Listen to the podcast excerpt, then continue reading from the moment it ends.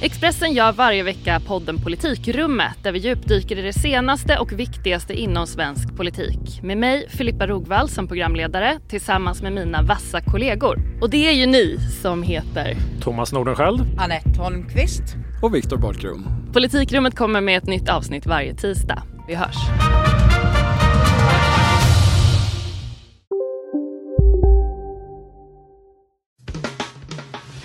Analyspodden från Dagens Industri. Hej och välkommen till Analyspodden, Dagens Industris podd om börs och aktier. Idag är det jag, Agneta Jönsson och kollegan Ulf Pettersson som pratar. Hej Ulf! Hallå, hallå Agneta! Vad tycker du vi ska prata om idag? Ja, det är svårt att undvika rapportperioden. Eh, väldigt händelserik. Eh, första veckan den här veckan och så fortsätter den en vecka till nästa vecka. Så det får bli mycket, mycket bolagsrapportering här. Ja, det tycker jag. Men sen måste vi ju ta några case också. Ja, absolut. Det kommer. Och som vanligt så är det fredag och klockan är runt tio när vi spelar in det här så vet ni vad vi vet. Senaste veckan har börsen gått upp ungefär en procent. Idag är det lite neråt här, nästan en procent. Och, men vi har kommit igen ganska bra. Sen årslägsta är vi faktiskt upp 6 procent. Många bolag har rusat väldigt kraftigt på rapporterna. Eh, man är lite rädd att det kan vara fråga om sån här kyrfälla, det vill säga en tillfällig uppgång i en sån här nedtrend vi har haft nu ganska länge. Eh, tror du det kan vara så? Mycket möjligt. Eh, det har varit en ganska intressant börsvecka som började bra. Alltså vi har, vi har haft Backar man tillbaka någon månad eller sådär så har börsen varit ett, ett, eh, ska vi säga, ett, ett eh, omvänt karbonpapper på amerikanska räntor. När räntorna har gått upp har börsen gått ner och vice versa. Och sen kom vi in då i en rapportperiod här på Stockholmsbörsen, men även och kanske inte minst då i USA. Började i början av veckan, eh, fick bra rapporter, åtminstone bättre än vad marknaden befarade och vi hade några riktigt bra börsdagar då. Och sen mot slutet av veckan så upp, så uppfattar marknaden lite som att rapportperioden nästan redan är över. Nu har man börjat titta på räntorna igen och då hade vi en, en ny ränteuppgång här senaste dagarna i USA och då har börsen börjat tappa lite mot slutet av veckan. Så den här veckan ser ut att vara 1 procent upp som du sa eh, på OMX30 när vi spelar in. Men som sagt var, det återstår ju 7-8 timmar till och USA ska öppna och sådär, så det får vi se. Så det är, eh, ja, men, men rapporterna tror... stödde börskurserna, räntan har varit negativ för börskurserna. Ja, det kan man väl säga. Och det som jag skulle tillägga på det där är att jag tror att man, det är risk att bli för optimistisk. Det är för nervöst klimat och det gäller liksom inte att fastna i den här tjurfällan, särskilt inte i bolag som man nu kommer att få se fortsätta nedjusteringar och som kan vara trista framöver. Så att liksom, titta över portföljerna och försök att fokusera lite mer på vinnarna, de där det faktiskt ser bättre ut, för det finns några sådana nu också. Precis, eh, det tror jag är ett bra grundtips att man ska köpa bolag vars vinst eh, så att säga, går i rätt riktning. Men, och jag håller med dig det här med, med den här eh, björnfällan då, att det som har hänt här, vilket är liksom lite jobbigt, är att vi har inte fått vi har liksom inte det är inte så att det, det är inte, vi är inte klara på om det är klart än. Vi, liksom, vi skjuter fram den här befarade nedgången ett, ett kvartal till. Bolagens vinster ökar generellt, men alla känner att det kommer börja vika, men det gjorde det inte det här kvartalet. Så det kommer liksom få leva med det här fjärde kvartalet också. Och sen så har vi då räntorna där man ännu inte kan så att säga, säga att nu är vi på toppen på räntekurvan i USA här. Och så länge vi inte kan säga det med hyfsad säkerhet så kommer det vara osäkert där. Och och fortfarande, de, om man ska liksom välja att vara negativ här, så vi har haft en rejäl nedgång på börsen i år. Ehm, det upplevs som att, att den är historisk och det är den på många sätt, men hade uppgång, eller nedgången börjat redan i september förra året och vi hade kanske varit ner 10 i år hade den inte upplevt så jobbigt. Liksom. Så det är lite den här kalendereffekten att hela börsfallet kom under ett och samma år. Och vi har inte haft, det var det jag skulle säga egentligen, det här med att när, när är botten nådd? Man brukar vilja ha en sån här urblåsning då man liksom då börsen, kurserna liksom tappar fullständigt och vi är ner 5, 6, 7 procent. Det har vi inte riktigt haft. Det har liksom borrat sig ner. Vi har haft några 2-3 procents dagar sådär, men inte liksom, inte liksom rakt ner och det skulle man gärna vilja ha. Ungefär som det var faktiskt corona, coronabörsen där mars 2020, om ni kommer ihåg, så hade vi några dagar då vi liksom var ner eh, nästan 10 procent och sådär och då kändes det som att nu var, det liksom, nu var allt urblåst. Men eh, där är vi inte riktigt än. Men du har det faktiskt i enskilda bolag. Det har vi. Det har vi. Och där tror jag liksom man kan börja säga grejer. Vi kanske ska gå över till vad som hände idag, för där har vi ju faktiskt en av de här som hade tappat nästan 90 procent som nu faktiskt kommer positiva nyheter. Kan du gissa vilka jag tänker på? Ja, då är det Sinch. Zink som vi kallar dem när de föll 30 procent, eller vad säger 90 procent från toppen. Men nu, är det, nu får vi döpa honom till något som är uppåt istället för den. När jag gick in i studion här, eller vi gick in i studion så var den upp 35 procent eller något och det berodde ju på eh, ett besked från bolaget igår kväll eh, om en omvänd vinstvarning där man då eh, så att säga ökar vinsten med en eh, eh ebitda-vinsten med 80 procent jämfört med Q2 och slår förväntningarna med en 30 procent och aktien upp 35. Där hade du en sån, en sån kapitulation liksom och den, det var ju den stora kapitula kapitulationen i aktien var ju när Softbank, då en storägare, tvingade, bara sålde ut sina aktier till, till en ny storägare. Eh, och det var liksom botten visade sig. Där tror jag faktiskt vi, där kommer vi inte få se några aktiekurser på 15 spänn igen som vi såg som lägst. Eh, och så får vi se, nu var inte det här en, det får man också säga till Sinch, eh, angående Sinch-rapporten då, eller vad man ska kalla den. Det var ju det var inte en fullödig rapport. Vi vet inte liksom den här siffran som har varit så viktig i tidigare rapporter, den organiska tillväxten, hur den var, utan vi fick bara en totalsiffra. Men omsättningen var ju högre än prognostiserat, så den borde ha varit bättre än tidigare kvartal i alla fall. Och vi ser inte hela, hela kassaflödesrapporten utan bara ett ebitda. Eh, men eh, som sagt det var ändå ett stort fall framåt och eh, det var inte det enda de rapporterade Sinch. De rapporterade även en nedskrivning på vad var det, 6, miljarder kronor var det, eller om det var 5-6 miljarder kronor. och det är ju jättemycket pengar på ett förvärv som man skriver, skriver ner nu. Men sett till att bolaget innan dagens uppgång värderas till 17 miljarder och eget kapital var 38 så hade marknaden redan liksom prisat in att det egna kapitalet skulle minska. Ja, och det, sen har du liksom motsatsen till SINS då, som kom idag, som man normalt brukar tycka är ett riktigt safe case då, i en sån här marknad där rapporten går, när aktien faller nästan 8 procent. Och nu snackar jag Telia som mm. man brukar se som en safe haven. Vad var det som var dåligt där? Det var ett antal faktorer. Det var det här, och det var ju liksom ingen som kunde tänka sig att den här elkrisen vi har, att den skulle liksom drabba teleoperatörerna alldeles särskilt. Men det som hände i, i, i dagens rapport då i Telia var att man eh, höjde den här prognosen för eh, resultateffekt av stigande elpriser från 300 miljoner kronor sa man i Q2, halvårsrapporten. Nu heter det 900 miljoner kronor för året, så det var 600 miljoner kronor mer. Och även för 2023 kommer det påverka vinsten, de här elpriserna. Det var det ena. Sen var kassaflödet svagare än, äh, än väntat. Och eh, kassaflödet är liksom jätteviktigt i Telia för det är det som styr utdelningen. Och Telia är ju eh, först och främst ett utdelningscase eftersom tillväxten är ytterst blygsam. Man pratar ju liksom om decimaler av procent där. Och nu börjar då marknaden kanske befara att det inte blir den här två, två kronor i utdelning utan man kanske ska sänka den. Och det det är klart, det gör ganska mycket på en sån där om man sänker den. Eh, nu verkar ju bolaget vara ute och säga att de ska ändå dela ut två, men det är klart att verkligheten bestämmer ju och blir kassaflödet för svagt så kanske de inte kan hålla sin utdelningspolicy. Det är det som sänker den och sen får man inte heller liksom eh, överdriva intelligensen på aktiemarknaden här. Att det är väldigt stora rörelser en, en börsdag. Det kan vara det kan ändra sig snabbt också. Man kan se hur bolaget faller ena dagen och stiger tillbaka hela kursuppgången dagen efter. Men eh, 8 är mycket på Telia. Det är jättemycket för ett så pass stabilt, stabilt bolag. Är det någon annan rapport idag som du tycker är värt att nämna? Ja, eh, det finns det ju. Jag tyckte att Lifco steg en del i början men tappade mark sen. Eh, kom kom en jättebra rapport. Stigande rörelsemarginal under Q3 sticker de ju faktiskt ut att den förbättras. Det är inte så många bolag som har redovisat förbättrad rörelsemarginal. gjorde de, de gjorde det jättebra. Eh, men den stora, ska vi säga, nyhetsmässiga händelsen är väl eh, Husqvarnas rapport. Eh, vinsten följer och föll mer än väntat, men där ska då bolaget ställa om från eh, bränsledrivna produkter till eldrivna. De har ju redan påbörjat, men nu tar de så att säga fulla steget här. Det kommer kosta dem 2 miljarder i engångskostnad, varav eh, drygt en miljard är nedskrivning av tillgångar och en miljard är kassaflödespåverkan.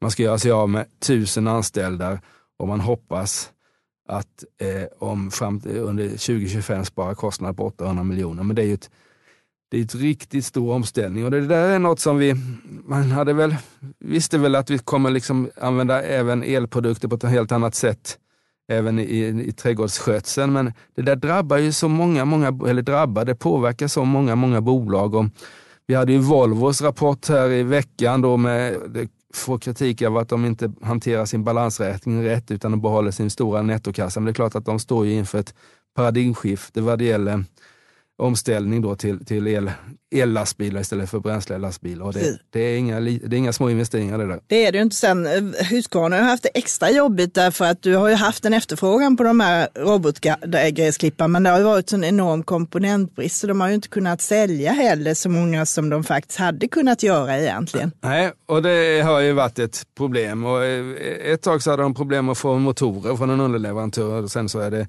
elektronik, halvledda komponenter och det det är ett, ett bekymmer liksom och det där kommer nog vi får väl se om minnet är långt eller kort, men, eh, men man skulle kunna tänka sig att folk liksom väljer att flytta, flytta produktion eh, eh, och knyta upp det där och vara beredda att betala lite mer för att verkligen säkra leveranserna. För det är många bolag som har haft en efterfrågan som de inte har kunnat leverera på. Nu är ju aktien ner eh, nästan 60 procent. Mm. Nu idag faller den 5 procent, de handlas nu i 60 kronor. Nu säger ju Henrik Andersson här att det ser bättre ut med komponentleverans nästa år. Så ska man tänka på Q3 är inte ett jättestort kvartal och det är ju inte Q4 heller, men kan de få ordning på det här till framåt våren så kan det nog vara läge att kolla på den. Så det är en aktie jag skulle sätta på bevakningslistan i alla fall. Ja, det ska man göra. Eh, Samtidigt så ska man ju komma ihåg då att det är ändå 20 000 för en sån där gräsklippare. Det beror på lite hur hushållen har sin ekonomi och sådär. Eh, eh, men, eh, men jag håller med dig om att de har, de har intressanta produkter och aktien är lågt värderad. Så på bevakningslistan ska den upp och sen om den ska köpas får vi kanske återkomma till. Det är inget av mina dagens case i alla fall. Nej, det ligger lite längre fram i tiden. Mm. Ett av mina bolag som rapporterade i veckan här var ju Avanza där det var ganska mycket dramatik runt den. Här det är också en sådan aktie som har gått väldigt dåligt i år tack vare den trista börsen. Så aktien var också ner Eh, med halverat här under året. Det är ju inte så konstigt för större delen av deras intäkter är ju aktierelaterade både vad det gäller transaktioner, courtage och sådant och eh, även de har mycket utlandsaffärer så det har varit mycket valutaintäkter och sådant. Och även fonder påverkas ju utav nedgången mm. därför att det blir en mindre bas där du får avgifter på helt enkelt och även nettosparandet har fallit. Så det har ju varit riktigt mörker där.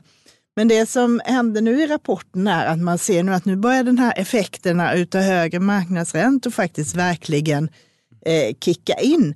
Eh, så att där hade man nu en eh, räntenettot ökade 169 eh, procent här eh, till 222 miljoner. Och eh, det blir, gjorde att det blir faktiskt den största delen utav deras intäkter då eh, som det brukar det ju absolut inte vara, utan det brukar ju vara då eh, courtaget ja. som är störst här. Eh, och eh, man hade bekymmer här i september därför att det var en del stora kunder, framförallt företag som tog ut pengar då för man kunde få bättre ränta någon annanstans. Det har man nu fixat till genom att man nu erbjuder 0,9 procent eh, även till företag så att säga. Okay. Mm. Eh, och eh, det som man ser lite nu här är också att Avanza har tappat tempo. Innan hade du då stora inflöden. Förra året så fick de in 72 miljarder. I år har det mer än halverats till 31 här. Just det. Och septemberstatistiken var väl nästan minus, var det inte det? Det var minus, mm. där var det nettouttag på 220 miljoner och det beror just på de här företagen som mm. jag nämnde. Å andra sidan så har ju värderingen kommit ner så mycket. I snitt har Avanza handlats till 27 gånger årsvinsten senaste fem åren och det var ju betydligt högre på toppnivåerna här. Så att det var mycket elände kan man väl säga inprisat i kursnivåerna. Då handlades aktien till eh, 14 gånger vinsten dagen innan rapport. Och eh, många tyckte väl också att det här var lite väl lågt och mycket har tagits in. Så där har vi fått se nu att aktien har stussat upp då dels gick den ju upp 12 procent direkt på rapporten mm. och sen har det fortsatt, så den är upp nu 20 procent senaste veckan. Och det här är ju ett derivat på börshandel. Ja, men då, och då blir det från P14 till P17 då ungefär? Ja, ungefär. Mm. Men tror du på en bättre börs nästa år så är det ju sådant att hålla utsikt på. Så det är verkligen en sån här aktie du ska ha om du är börsoptimist. Ja, och de, har ju fortfarande, de plockar ju fortfarande marknadsandelar på eh, och har breddat sitt erbjudande till, till eh, bolån och sånt där också. Så det är klart att, att, att den här beroende, att börsen ska väl sänka värderingen lite grann, men, men den här strukturella tillväxten som de ändå har ska ju, är ju värd en premie. Så jag, jag, jag är så att säga beredd att betala ett högre P tal för Avanza än för börsen eh, som genomsnitt tycker jag, just för de tillväxtutsikter de ändå har. Liksom. Det har de och det är ju som sagt när, när pilarna pekar åt rätt håll så är det lite utav en pengamaskin mm. så att säga, för då ökar ju basen som du får intäkter på. Ja, det är det. Nej, men det, är, alltså, det är så spännande. Jag har varit med här om ett antal börsfall och börsuppgångar och sådär. Som sagt var, jag vet inte vad sa du, att de var uppe på P40 som mest, av Avanza. Och det var även Atlas Copco och sånt där. Och det har skett tidigare. Det var skedde 2000 och det skedde 2007. Det här att när bolag börjar få P30, om det inte är liksom några som, som går liksom från förlust till vinst och det liksom är en fantastisk tillväxt, då ska man vara lite försiktig när det börjar bli sådana P-tal. Å andra sidan när kvalitetsbolag kommer ner liksom till P15, då, då ska man nog börja titta igen. Så jag tror man ska, lärdomen av, av de här börsåren vi har haft, sen pandemin egentligen med fallet och sen den kraftiga uppgången och nu fallet igen, det är att man ska nog vara långsiktig. Eh, då tror jag, jag tror att man, man, man, man kan nog eh, både spara och tjäna mycket pengar på att vara långsiktig och att inte sälja när det är P30 och köpa när det är P15 och låta marknadens eh, eh, så att säga, girighet och rädsla eh, vara däremellan. Det kan man göra, men man kan ju också liksom vara lite mer dynamisk i din portfölj också. Då kan du få ännu bättre avkastning. Ja, ja, Fast det, ja, det kan man vara. Men då får man vara mer på tårna så att säga. Jo, du behöver inte göra så att du kastar ut allt vad du äger, men du kan ju minska i storlek. Ja. Jag menar, har du tusen Atlas och de handlas i P38, då kanske du ska minska till 500. Ja. Och när du kommer ner så kan du dubbla igen. Liksom. Ja, precis. Så, så det. Man ska nog, det beror på vad man har för privatekonomi. Man ska nog inte ge, eh, så att säga, enskilda råd så, men, men att alltid vara lite, aktier är ändå ett tilläggsslag man alltid ska äga, men det är klart man behöver inte äga lika mycket alltid. Nej, eh, och sen som sagt beror det ju upp till var och en. Men ja. liksom att vara lite mer sådär eh, mm. gör det hela lite, man behöver vara lite mindre nervös om man har likviditet i kassan tycker ja, jag i alla fall. Ska vi kolla på casen kanske, eller vad tror du? Ja, jag tänkte du kanske ska säga några ord om Ericsson som ja, var liksom en riktig härdsmälta ja, igår kan man väl säga som gick ner 15 procent. Ja, eh, och där är ju då eh, eh, Sen, det är nästan på dagen, sex år sedan Börje Ekholm blev oväntat blev vd. Jag tror att han tillträdde, eller annonserades i alla fall 26 oktober 16, så det är, nästa vecka är det sex år. Och gjorde ju ett, ett bra jobb med att få upp marginalerna, både bruttomarginal och rörelsemarginal. Har du också valt att bli egen? Då är det viktigt att skaffa en bra företagsförsäkring. Hos oss är alla småföretag stora och inga frågor för små. Swedeas företagsförsäkring är anpassad för mindre företag och täcker även sånt som din hemförsäkring inte täcker. Gå in på swedea.se företag och jämför själv. Hej, Ulf Kristersson här. På många sätt är det en mörk tid vi lever i.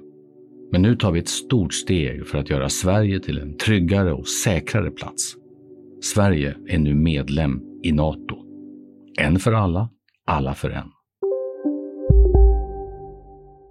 Eh, men nu så går det åt fel håll igen och eh, eh, det var en kostnadschock som Ericsson levererade igår samtidigt som att Eh, försäljningen i USA ser ut att vika eh, och förlusthärdarna då i, i de här mindre delarna eh, tilltog och marknaden uppskattade inte det utan sänkte aktien 15 procent och det kom till och med ut mäklarkommentarer om att det är dags för Börje efter sex år att lämna bolaget.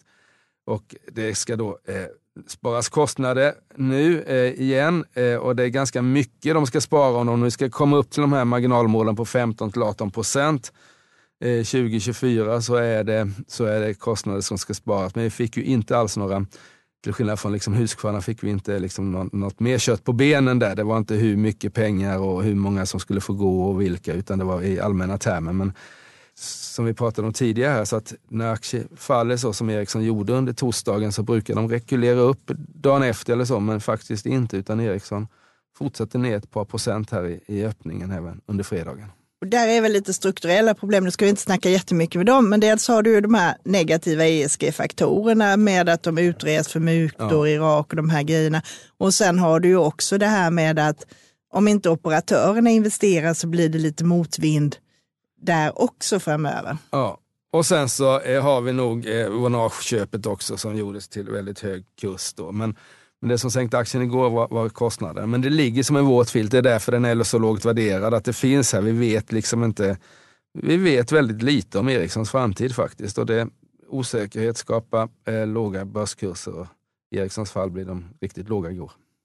Då kanske vi ska släppa det och gå över till casen, för där har vi faktiskt lite motsatt. Ett bolag nu som jag tänkte prata om ja. som har kommit in i rätt trend efter har haft en motig period här eh, några år och nu mm. har det börjat se betydligt bättre ut och det är faktiskt Handelsbanken mm. eh, som då har jobbat med att strukturera om verksamheten. Man har tagit bort kontor, man har fokuserat på de här grejerna som man tror kommer vara bättre framöver. Man har tagit bort en del marknader och en del produkter och nu börjar det där synas i siffrorna. Mm. Där hade du då en vinst före skatt på 7,3 miljarder som var 20 procent bättre än analytikernas snittprognos. Mm. Och det är väldigt mycket för att vara en bank så att ja. säga. Och eh, det var också 19 procent bättre än tredje kvartalet i fjol. Och nästan alltihopa det här beror på räntenettot. Mm. Och där hade du en ökning mot förra året då på 26 procent. Mm. Eh, och det är väldigt starkt. Och det, det står för 74 procent av intäkterna hos Handelsbanken. De är jättestora på Bolån har de ungefär 22 procent av svenska marknaden. Mm. Men det börjar också se nyutlåning till företag mm. och sådana här saker. Så att där får du en väldigt stark utväxling helt mm. enkelt på när räntorna stiger samtidigt som de då har stora volymer som också ökade nu. Och sen backade bara provisionsnettot 5 procent tack vare att de faktiskt ta marknadsandelar på fondsidan och de mm. hade nettoinflöden också. Så de hade 1,8 miljarder som kom in nytt i kvartalet mm. här. Vilket då lite motsatsen till Avanza då, där mm. du hade utflöden. Mm. Och det tar ju också och lägger på det här. Så att samtidigt är ju Handelsbanken kända för att de har god kreditkvalitet. De mm. är ganska försiktiga i sin approach. Tittar du på den här fastighetsutlåningen som då totalt har de utlåning till fastigheter, det man säger hypotekslån då, mm. med pantbrev på 65 procent av sina totala lån. Mm. Och sen är ju en stor del av det här bolån då. Mm. Men den andra delen är till fastighetsbolag, kommersiella fastigheter och så. Där är de försiktiga. De har belåningsvärde i snitt på som är under 50 procent. Mm. Och de har också företag som ska klara att betala räntor på upp till 8-9 procent. Då kanske det är lite huvudstaden lån där då. De ligger väl under där någonstans i sin belåningsgrad och de har ju samma ägare ungefär. Man kan ju misstänka det, mm. även om de inte säger vem som är kund så kan det ju vara så. Men överhuvudtaget så kokar ju det här ner till att den här trenden tror jag kan fortsätta. Mm. Det kommer nu att ha en räntemedvind under några kvartal till samtidigt som volymerna växer, även om den här tillväxttakten börjar mattas när det mm. blir tuffare tider. Så jag tror fortsatt medvind för bankerna. Handelsbanken tror jag har lite extra där faktiskt. Och räntemarginalen då, eh, kommer inte den pressas i, i ett sämre klimat? Att det blir liksom, eh, eller det tror man inte, utan den ska fortsätta förbättras så att säga? och tittar du på bolån så har det, tittar man historiskt så har den pressat lite när det mm. är sämre klimat. Mm. Eh, men du har också, liksom, nyckeln i det här är ju också vad som händer med företagsutlåning på fastighetssidan. För vi mm. vet ju att det är väldigt många som har varit på obligationsmarknaden till mm. exempel och nu är det inte lika gynnsamt där och de kanske inte ens har möjlighet att göra bra obligationer och då ska de in i bankerna. Eh, och eh, är det då bra kunder så är ju Handelsbanken naturligtvis intresserad av att mm. plocka in lite sådana. Ja, och i detta läge är det väl lite skillnad. Vi hade den här fantastiska kreditexpansionen som vi hade då med Riksbanken som tryckte pengar och mycket pengar i systemet. Så, så var det låntagarens marknad, men nu är det lite andra tider. Nu är det den som långivare som har pengarna att låna ut som, som lite eh, sitter i förarsätet. Och då kan man ju misstänka att kanske inte det blir riktigt press på marginalen. Nej, om man är, en del fastighetsbolag som har eh, obligationslån att, att, så att säga, eh, återbetala, de är glada om de får pengar och sen är de nog beredda att betala lite högre ränta.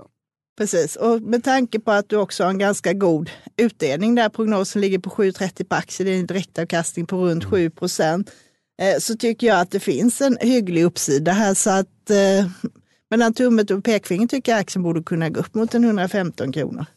Och den passerade hundralappen i, vad är den uppe i nu? 102. Ja. Och nu pratar jag här om något kvartal Ja, eller sådär. För det brukar faktiskt också vara så att bankerna gynnas lite av den här perioden nu från november och fram när man börjar plocka upp utdelningsaktier. Ja, just det. Så man får ut de där pengarna till våren.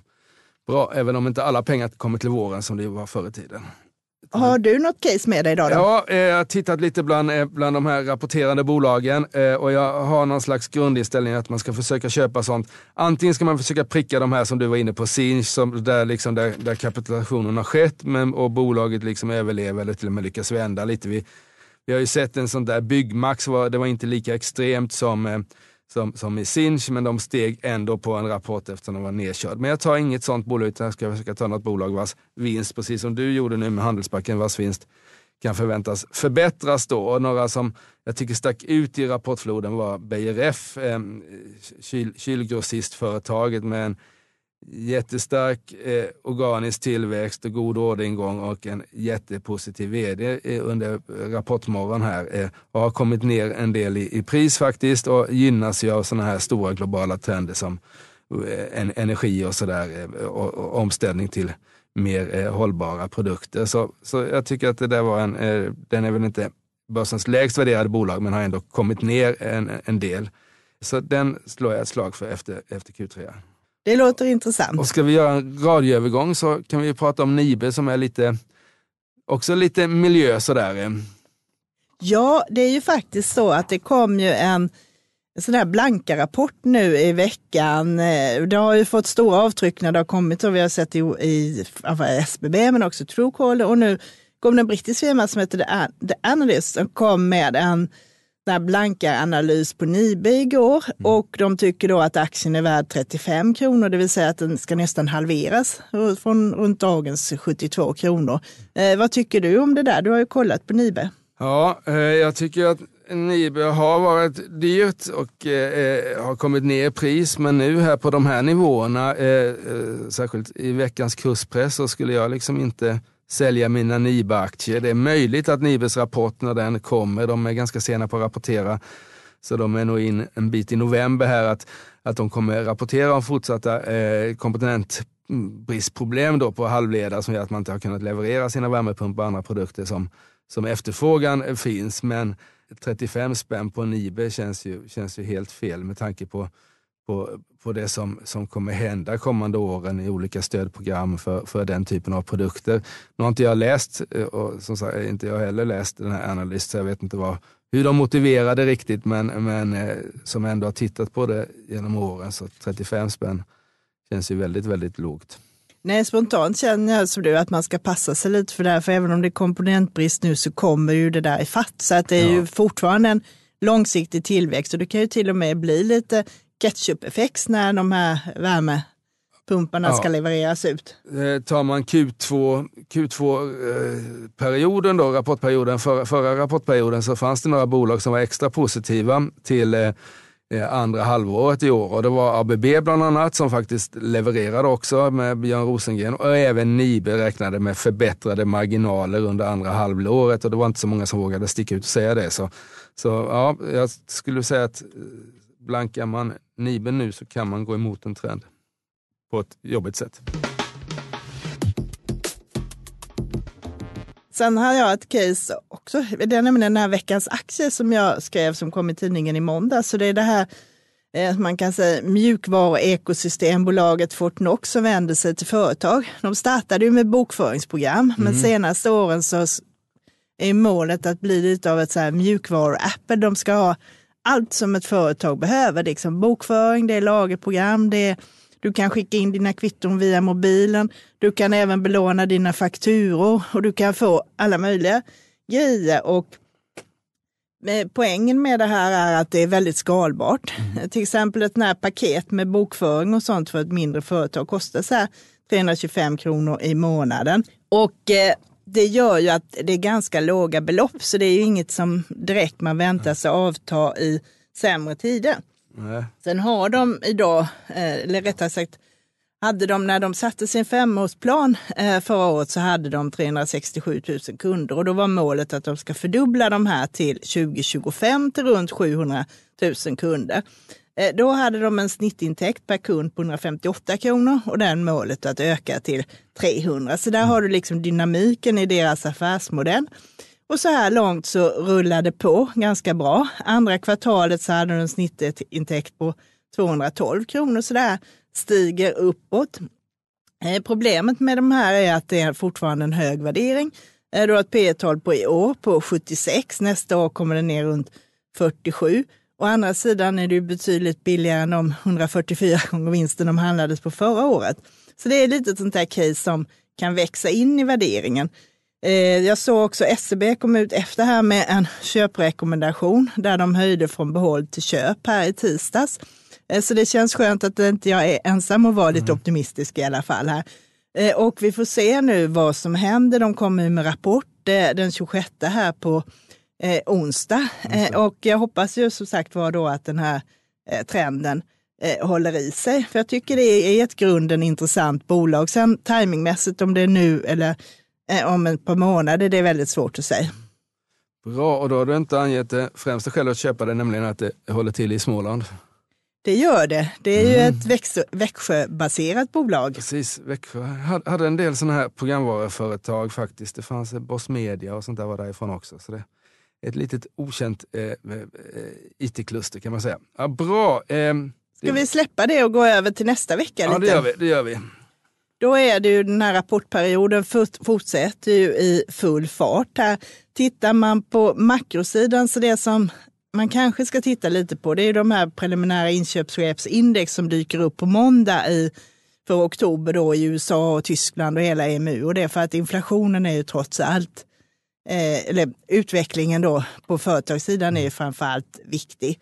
Så den ska, de ska man väl hålla koll på. Ja, och där är det inte lika, lika givet längre. Förr i tiden eller på säga, innan i år då, så var, hade ju liksom en hög PMI skapat börsuppgång och en låg PMI hade skapat börsnedgång eftersom eh, man räknade om att vinsterna i företagen ska bli lägre med lägre PMI eftersom det, eh, konjunkturen går ner. Men nu är det inte så givet. Nu vill man ju nästan ha ner konjunkturen här för då får man samtidigt ner räntan. Eh, så det är inte, det är inte, liksom, det är inte lika enkelt längre att, att trada på sånt där. Nej, det är ju inte det, utan nu är det snarare att man vill se här när den kommer ner där man tror att den kan bottna istället. Ja, precis. Eh, så det ska man titta på, men sen är det ju rapporter. På tisdag kommer ju, fortsätter det rassla in storbolag här som Alfa Laval och SKF och eh, de här. Och sen på onsdag så kommer min första stora rapport, det är SCB. Eh, men det kommer också en del bolag eh, lite mindre. Du får ju Skanska till exempel som är intressant med tanke på att se hur utvecklingen är för byggsektorn. Ja, och de har ju faktiskt, annars har ju byggsektorn varit ganska jobbig här. Vi har haft en vinstvarning från Västbygg, vinstvarning från NCC och sådär. Men Skanska har eh, eh, släppt ganska mycket order här från amerikanska order under kvartalet. Så möjligt att de kan ha klarat sig bättre. Sen på torsdag så har vi Swedbank som jag kommer att titta på. Sen har vi Intrum, de har vi pratat om förut, mm. men som jag tycker är intressanta. Och det kommer ju ett bolag som du har tittat ganska mycket på, det är godisbolaget Cloetta. Just det. Och blir ju också intressant, är ju rejält nedtryckt, borde ha klarat börsnedgången nu och bättre med tanke på att det är en så pass defensiv placering, men där finns ändå frågetecknen kring den här planerade investeringen i Nederländerna som man nu eh, hade en separat eh, presskonferens eller investerarmöte kring. Men det är ett bolag, jag har ju satt köp på den för att eh, jag tycker det är lågt värderat och det som de har sagt där det är ju att de ska fortsätta dela ut pengar trots investeringen och då, då blir ju det där en utdelningsaktie. Så, så eh, ja, eh, den är nedtryckt, det var länge sedan. Om man kan köpa den långt under 20 spänn nu och det brukar man inte få göra.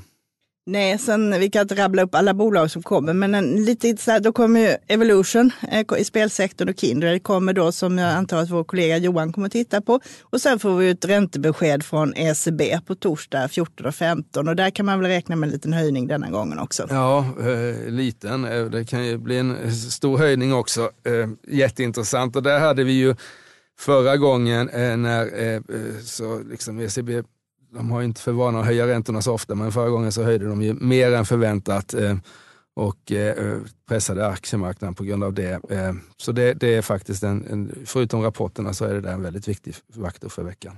Och sen har vi fredag fortsätter med full fart på rapporterna. Då har vi bland annat Electrolux som du har tittat på. Mm.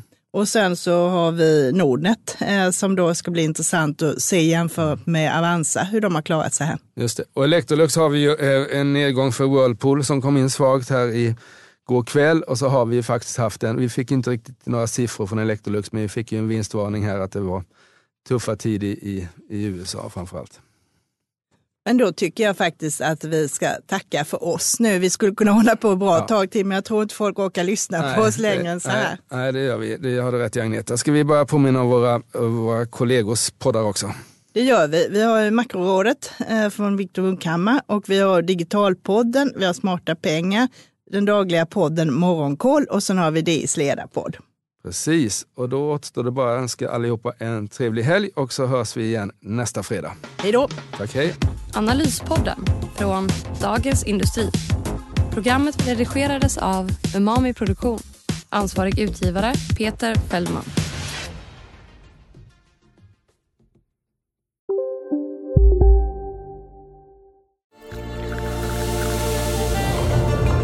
Välkommen till Maccafé på utvalda McDonalds restauranger med Baristakaffe till rimligt pris. Vad sägs om en latte eller cappuccino för bara 35 kronor? Alltid gjorda av våra utbildade baristor. Hej, Susanne Axel här. När du gör som jag och listar dig på en av Krys vårdcentraler får du en fast läkarkontakt som kan din sjukdomshistoria. Du får träffa erfarna specialister, tillgång till lättakuten och så kan du chatta med vårdpersonalen. Så gör ditt viktigaste val idag, lista dig hos Kry.